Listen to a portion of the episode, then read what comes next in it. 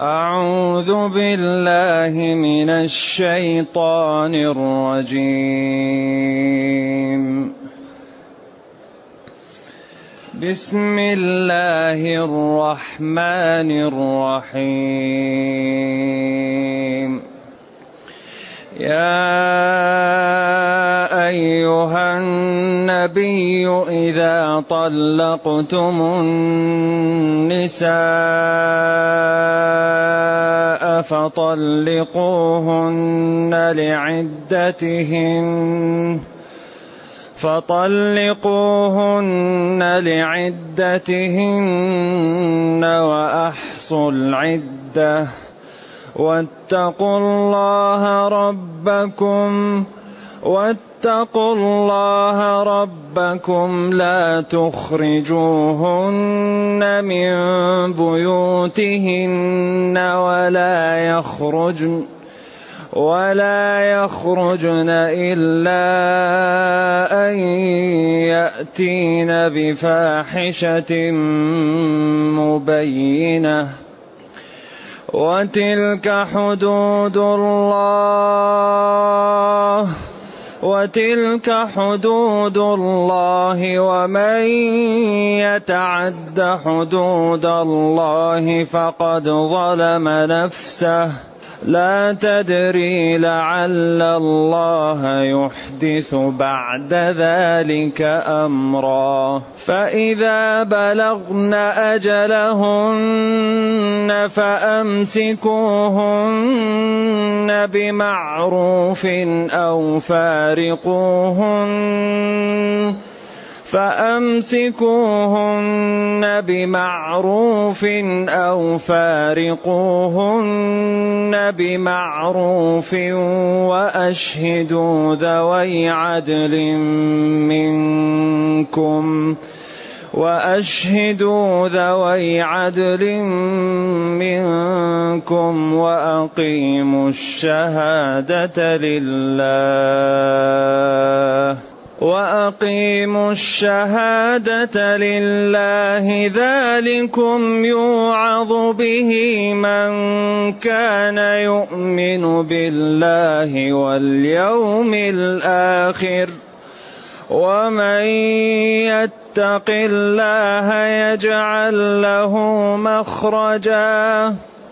ومن يتق الله يجعل له مخرجا ويرزقه من حيث لا يحتسب ومن يتوكل على الله فهو حسبه ان الله بالغ امره قد جعل الله لكل شيء قدرا. واللائي يئسن من المحيض من نسائكم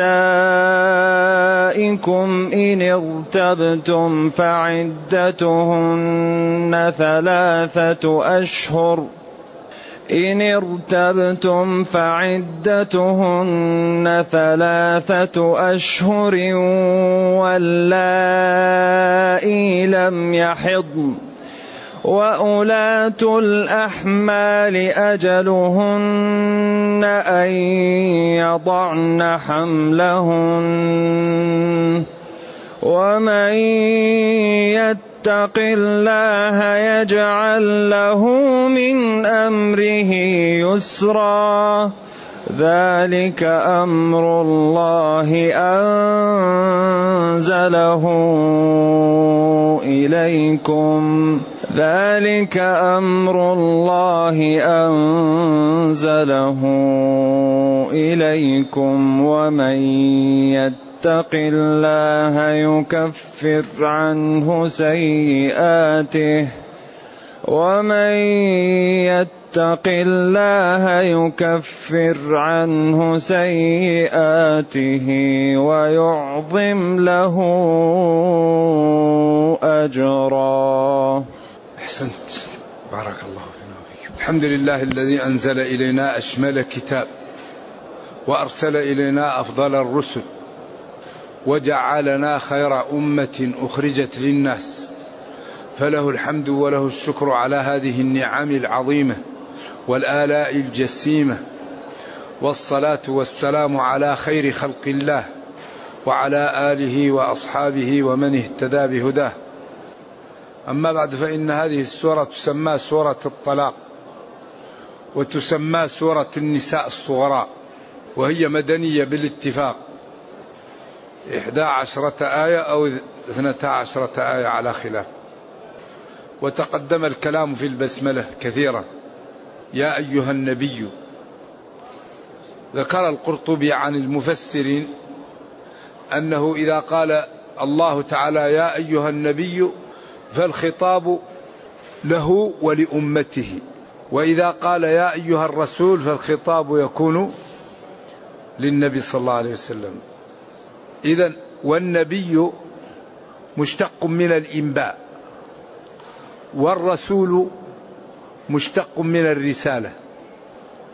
أرسله يرسله رسالة. الرسالة هي يعني أن ترسل الإنسان ولذلك كل رسول نبي وليس كل نبي رسولا هذا التعارف عليه الناس.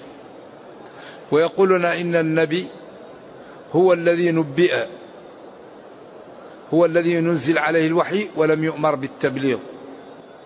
والرسول جاءه الوحي وأمر بتبليغه لخلق. وهذا الكلام يحتاج إلى دليل لأن العلماء مأمور بالتبليغ. فكيف الأنبياء لا يؤمرون بالتبليغ؟ العلماء ورثة الأنبياء لا يهتدوا حتى يبلغوا ما علموا. لا يضركم من ضل إذا اهتديتم. لا يهتدي المتعلم إلا بإبلاغه ما تعلم للآخرين. أما إذا لم يبلغه فليس بمهتدي لأنه قصر. لأن نبينا صلى الله عليه وسلم يقول من رأى منكم منكرا من من صيغ العموم من تشمل جميع العقلاء. ذكور وإناث على القول الراجح وما شمول من للأنثى جنفوا.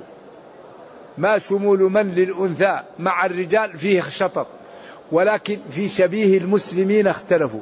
في دخول النساء في الجمع المذكر السالم محل خلاف ولكن كثيرا ما يدخلن لقوله إنها كانت من قوم كافرين. قال كانت وقال من قوم كافرين فهنا دخلت. لكن أحيانا تفرد المرأة لأنه قال إن المسلمين والمسلمات والمؤمنين والمؤمنات إلى آخر الآيات. فهنا جعل الجمع المذكر السالم للرجال والجمع المؤنث السالم للنساء. إذا القول الثاني في النبي والرسول أن النبي صلى الله عليه وسلم هو الذي جاءته رسالة ونبوة بإبلاغ شرع سابق له. والرسول هو الذي جاءه شرع مستقل.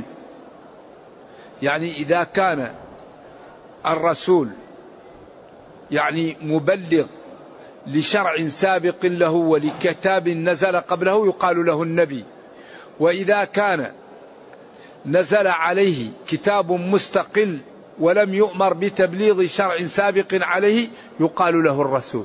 القول الثالث وهو الذي يدل عليه القرآن أن النبي والرسول تعبير لشيء واحد وهذا الذي يدل عليه سياق القرآن في منادات النبي صلى الله عليه وسلم يا أيها النبي جاهد الكفار يا أيها الرسول لا يحزنك يا أيها النبي قل لمن في أيديكم يا أيها الرسول يعني تجد أنه تعبير لشيء واحد.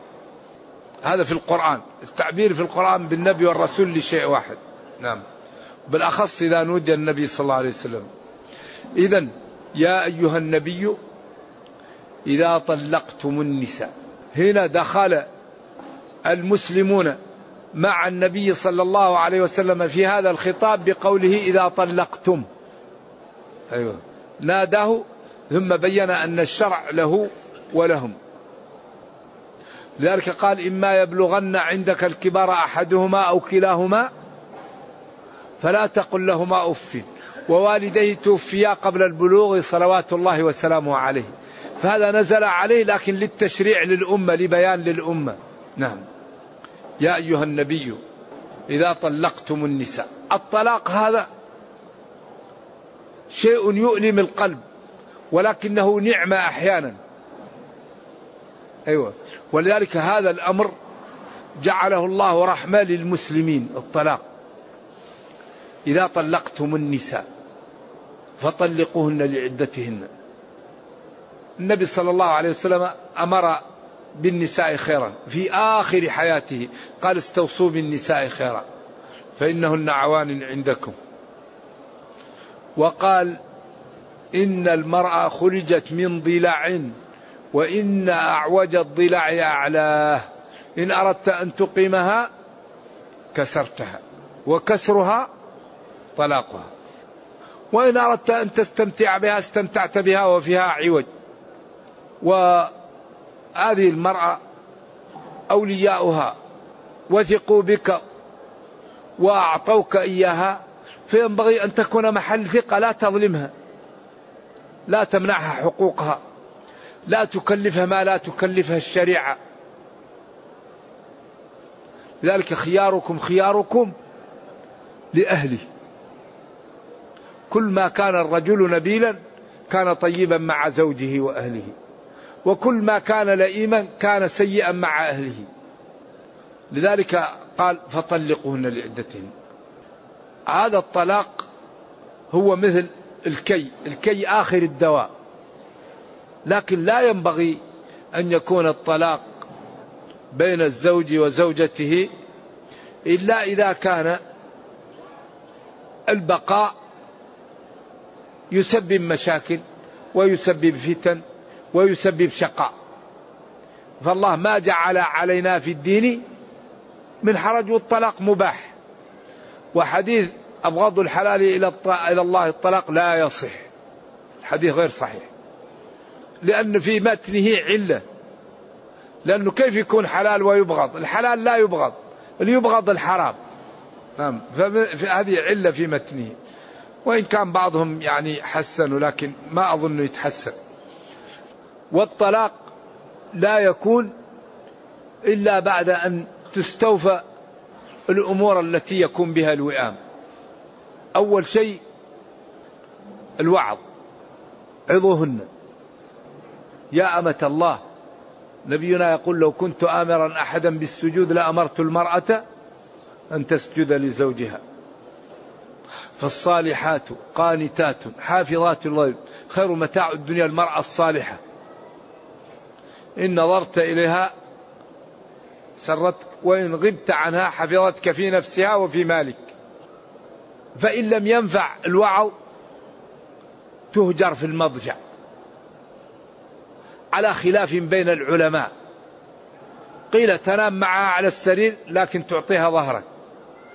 قيل تنام معها وتباشرها لكن لا تتكلم معها. قيل تنزل عن السرير وتجلس وتنام على فراش ولو في الغرفة لكن بعيد عنها شوية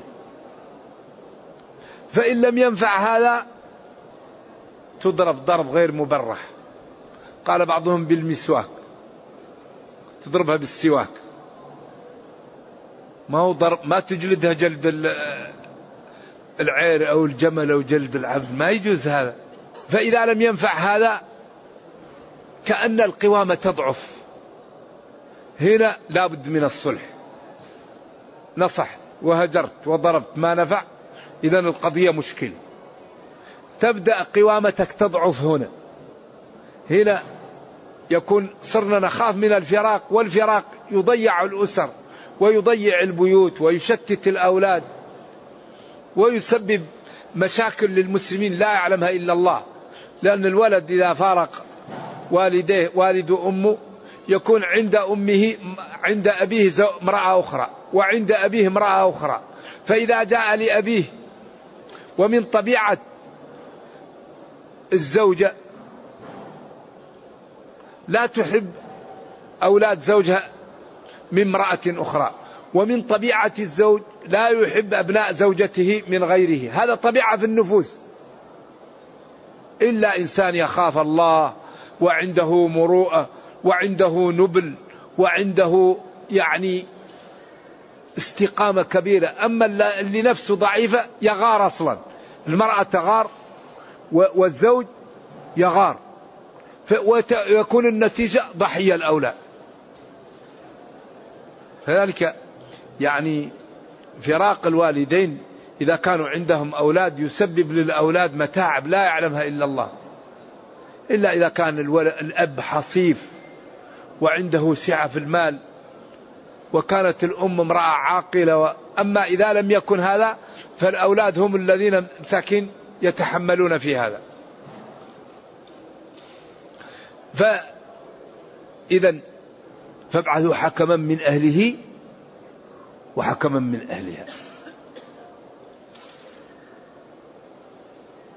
قال العلماء لم يقل مصلحين. ما قال ابعثوا مصلحين حكما. ولذلك لهم الطلاق عند الجمهور. إذا رأوا أن الصلح لا يمكن يطلقان. لكن الله قال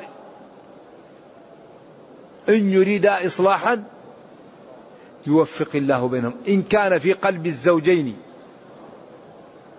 إن كان في قلب الزوجين كان في قلب الزوجان أو كان في قلب المصلحين كان في قلب الزوجين أو أو المصلحين إصلاح الله يوفق بينهما بإذنه تعالى. إذا لم يكن هذا ولم ينفع هذا أباح الله الطلاق. يكون الطلاق ولكن يكون هذا الطلاق لعدتهن. مستقبلين العدة. ولذلك الطلاق أربع أنواع. نوعان يعني بدعيان لا يجوزان. ونوعان يجوزان. يطلق الرجل زوجه وهو حائض هذا بدعي لا يجوز. يطلق الرجل زوجه في طهر مسها فيه وباشرها لا يجوز. يطلقها في طهر لم يمسها فيه هذا جائز. يطلقها بعد أن يتأكد حملها هذا جائز. اذا طلاقان بدعيان وطلاقان سنيان. اذا طلقوهن لاستقبال عدتهن. قال العلماء طيب إذا طلق الرجل زوجه وهي حائض هل تكون طلقة أو لا تكون طلقة؟ هذه أقوال للعلماء. بعض العلماء قال من عمل عملا ليس عليه أمرنا فهو رد. إذا هذا الطلاق باطل لأنه يخالف الشرع. بعضهم قال لا ينفذ عليه ولكن ينبغي أن يراجعها وتعد عليه ولذلك ورد في بعض الآثار ولا أعلم ثابتة أن ابن عمر عدت عليه. ولذلك قال مره فليراجعها. ما قال إنها لم تكن طلقة. مره فليراجعها. مره فليراجعها. ما قال ليس شيئا. قال فليراجعها. وهذا محل خلاف بين العلماء. فطلقوهن لعدتهن. قالوا تمسكها. قال لابن عمر. ولذلك أمر النبي صلى الله عليه وسلم عمر أن يأمر ابنه وليس من أمر بالأمر أمر لثالث إلا كما في ابن عمر. وليس من أمر بالأمر أمر لثالث إلا كما في ابن عمر. أمره قال له فليراجعها. وليس من أمر بالأمر أمر لثالث إلا كما في مثل مره فليراجعها مره فليفعل كذا. نعم. اذا قال يمسكها حتى تطهر ثم تحيض ثم تطهر ثم بعدين إن شاء يمسكها وإن شاء يتركها. اذا هذا الذي تلك العدة التي أمر الله بها. فطلقوهن لعدتهن أي مستقبلات عدتهن في طهر لم تمسها فيه. وأحصوا العدة. احسبوها. وحتى إن أردتم أن تراجعوا زوجاتكم فراجعوهن قبل أن تنقضي العدة. لأنها إذا انقضت العدة لا بد من مهر جديد ولا بد من ولي ولا بد من شهود. إذا انقضت عدة المرأة كأنها ما لك على لا تكون زي الخطاب. نعم. لكن قبل أن تنتهي العدة أنت زوج. تملك أن تردها ولو هي كاره. ولو أهلها لا يريدون. وأحصوا العدة. واتقوا الله ربكم. لا تخرجوهن من بيوتهن. لا تخرجن. المرأة من بيوتكم بعد الطلاق إن كانت رجعية أو حاملة. ولا يخرجن النساء من بيوت أزواجهن الذي إذا طلقوهن لا يخرجن إلا أن يأتين بفاحشة مبينة. اختلفوا هنا ما المقصود بالفاحشة المبينة؟ أقوال كثيرة. قال بعضهم أنها تزني تخرج ليقام عليها الحد. ونفى ابن العربي هذا وقال هذا لكل امرأة ليس لها. وقال بعض العلماء الفاحشة المبينة خروجها من بيت الزوج وعدم قبول أن تقضي العدة فيه فهذه كأنها معصية. الفاحشة هنا كأن المقصود بها المعصية. وبين عدم قبول شرع الله والإخراء والخروج من البيت وعدم البقاء فيه فهذا هو الذي يكون هي امتنعت من ذلك. وعملت المعصية في هذا وهذا الذي تجتمع عليه الأقوال. وقيل الفاحشة المبينة هي أن تؤذي أحماها أقرباء زوجها يكون لسانها سليط وتأذيهم فيضطر ليخرجوها نتيجة لأذيتها لهم. وهذا في بعد. نعم. ولا يخرجن الزوجات إلا أن يأتين بفحشة مبينة على الخلاف الموجود فيها وأقرب شيء أن تخرج من غير إذن وت و و و وتمتنع من البقاء في بيت الزوج وهذا هو المعصية. نعم. وتلك الأمور التي بينها الله لكم حدود الله أي معالم سننه التي وضعها بين الحلال والحرام فلا تتعدوا الحلال وتذهبوا إلى الحرام. ومن يتعد حدود الله فقد ظلم نفسه. ومن يتعد حدود الله بأن يخرج الزوجة وهي رجعية أو حامل من البيت فقد ظلم نفسه بذلك. ومما يدل على أن المقصود بها المرأة التي طلقت طلاقا رجعيا قوله تعالى لا تدري لعل الله يحدث بعد ذلك أمرا. ولما قال الصحابي للصحابية لا ندع كتاب ربنا لقول امرأة قالت له الصحابية وأي كتاب عندك؟ والله يقول لا يد لا تدري لعل الله يحدث بعد ذلك أمرا وأي أمر بعد الثلاث وهذه المرأة كان زوجها طلقها الطلقه الثالثة فكانت طلقتها باتة فقالت هذه المرأة لا أنها لا سكنى لها ولا نفقة لأنها مبتوتة ولم تكن حاملا قالت له وأي كتاب معك؟ والله يقول لا تدري لعل الله يحدثه بعد ذلك أمرا. وهذه الطلقة الأخيرة فلا حدث بعدها إلا بعد زوج وطلاقه وعدة. فإذا بلغن أجلهن أي قاربن الخروج من العدة فينبغي أن تتقوا الله ولا تؤذوا الزوجات.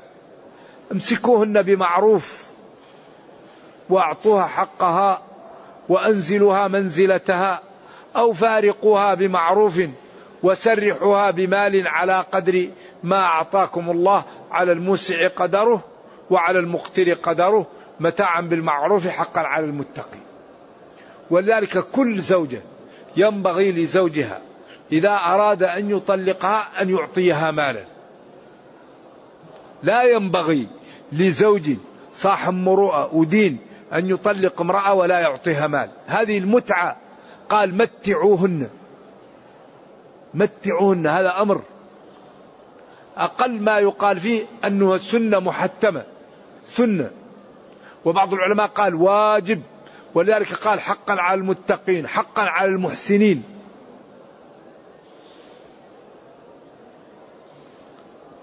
فيعني آه، طلاق المرأة كسر لخاطرها ولأهلها فيجبر بالمال. فإن كان الرجل غنيا يعطيها عمارة أو مزرعة. وإن كان فقيرا يعطيها ما ما يعطي. على الموسع قدره على المقتر قدره.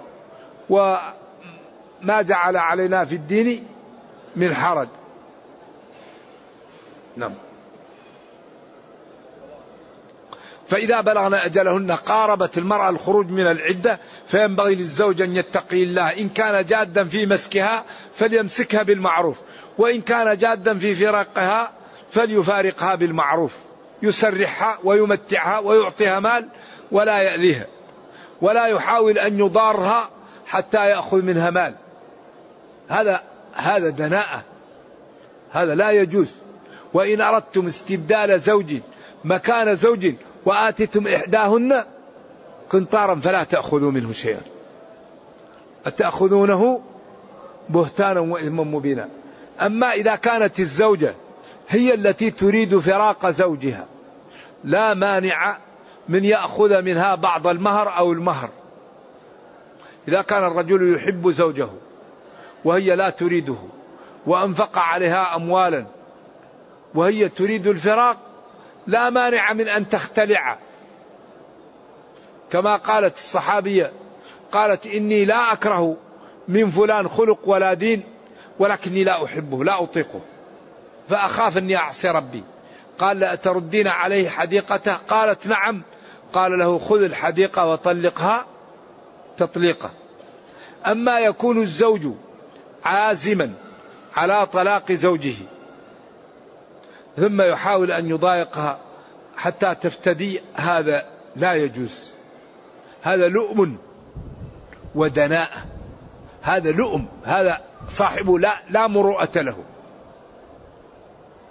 لذلك إنسان كان في بيتك وحصل بينك وبينه ما حصل ينبغي للرجل أن يرتفع. إذا أحبه يكرمه وإذا لم يحبه يكرمه.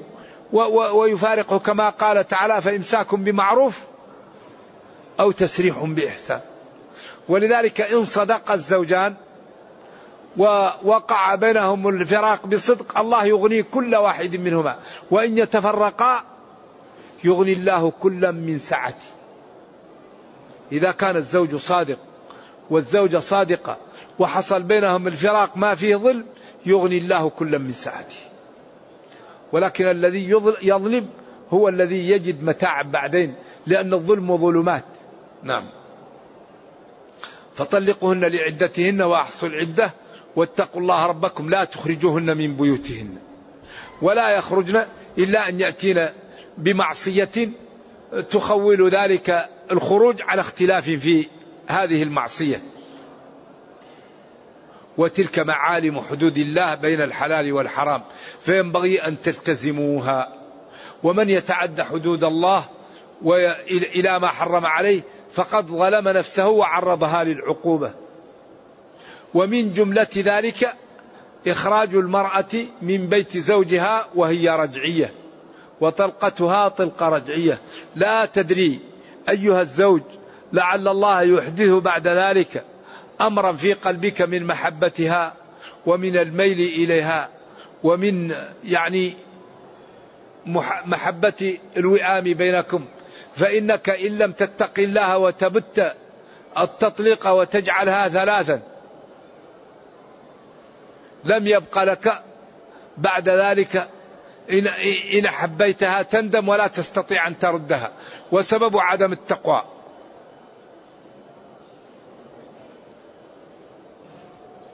ذلك من يتق الله يجعل له من طلق طلقة واحدة قد يرجع لزوجته.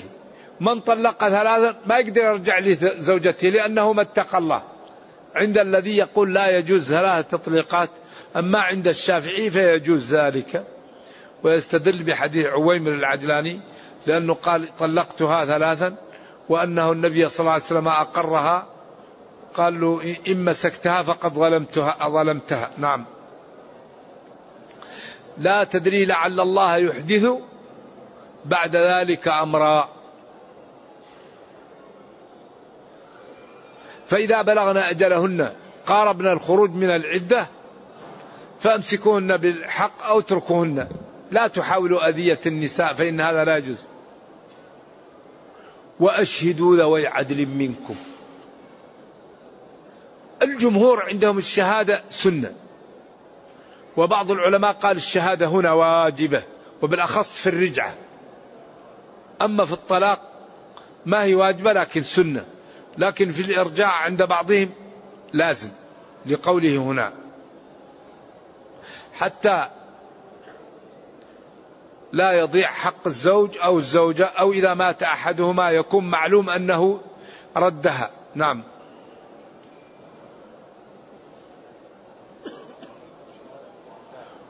وأقيموا الشهادة لله. أدوا الشهادة لأجل شرع الله وعلى الحقيقة لا مجاملة للزوج أو الزوجة أو أهلهما. أقيموا الشهادة لله. ولذلك ينبغي للإنسان أن يقول الحق ولو على نفسه. إذا طلب بالشهادة على نفسه يؤديها. أقيموا الشهادة على ولده على صديقه على أمه. أقيموا الشهادة هذه الشهادة. بالأخص إذا كانت هذه الشهادة تضيع نسب تضيع مال تضيع حق ما يجوز. ومن يكتمها آثم عياذا بالله. أقيموا الشهادة لله. أي أدوها على ما هي عليه خالصة لأجل شرع الله ولأجل مرضاة الله تعالى. ذلكم أي الذي تقدم يوعظ ويخوف به وينبه به من كان يؤمن بالله ربا واحدا معبودا بحق متصفا بصفات الكمال والجلال واليوم الآخر. ويؤمن بالحساب يوم الآخر وبما يحصل فيه من الهول. فهذا اليوم ينبغي للإنسان أن يتقي الله حتى ينجو من هوله. ومن يتق الله هذا هذه زيادة أيضا وإيضاح للأمر. ومن يتق الله في حياته بأن يتبع شرعه ويجتنب المحرمات يجعل له مخرجا منفذا من كل ضيق ويجعل له السعادة في الدنيا والرحمة في الأخرى ويبارك له في ماله وولده وعمره وزوجه وفي سمعته الذي يتقي الله. كل ما يريد يعطيه والله كل ما جاء ما جاه ضيق الله يفرج عنه. كل ما احتاج الله يغنيه. كل ما أراد شخص أن يؤذيه الله يدفعه عنه.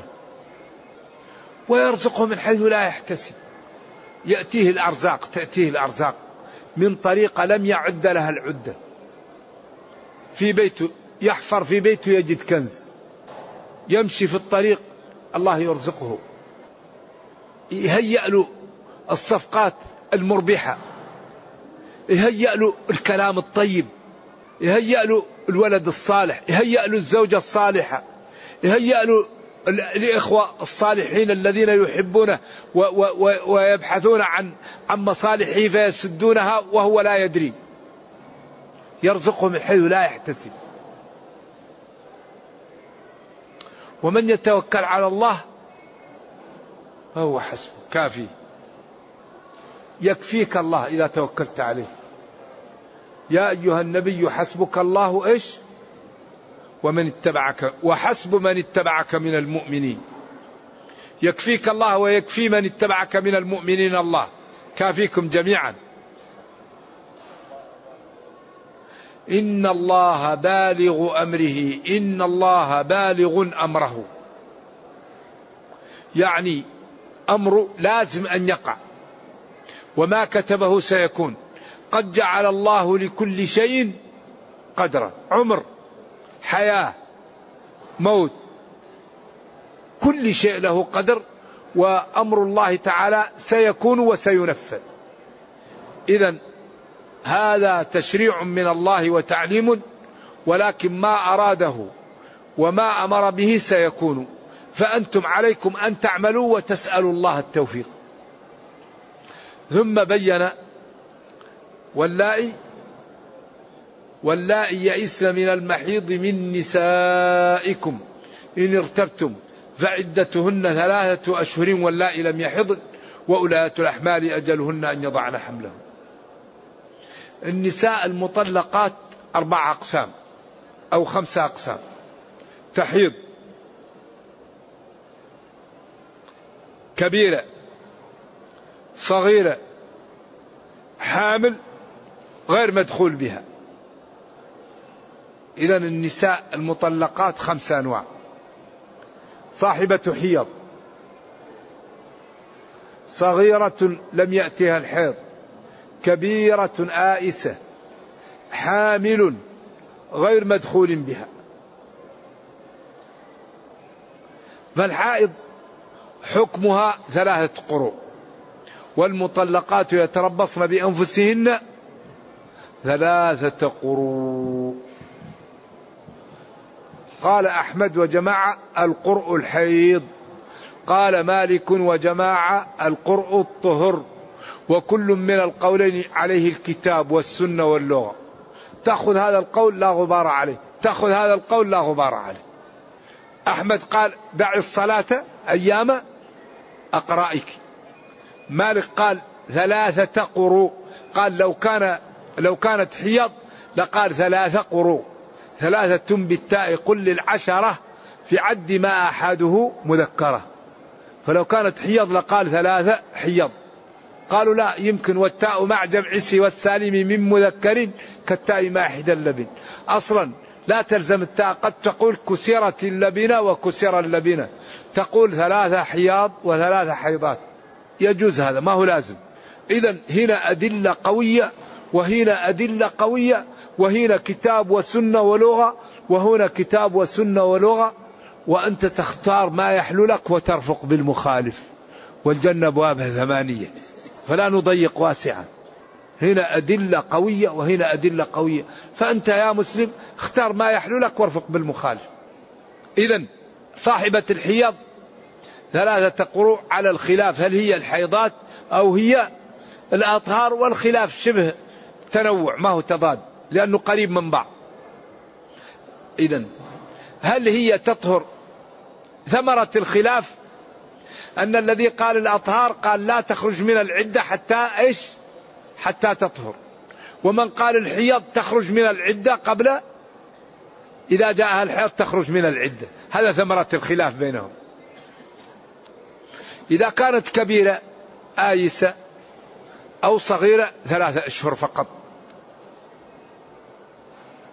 إذا كانت حامل عدتها أربعة أشهر وعشر.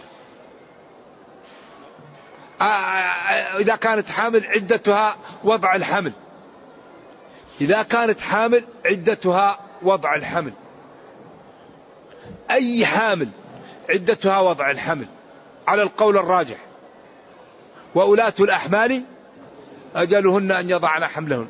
إن كان غير مدخول بها وطلقت لا عدة عليها.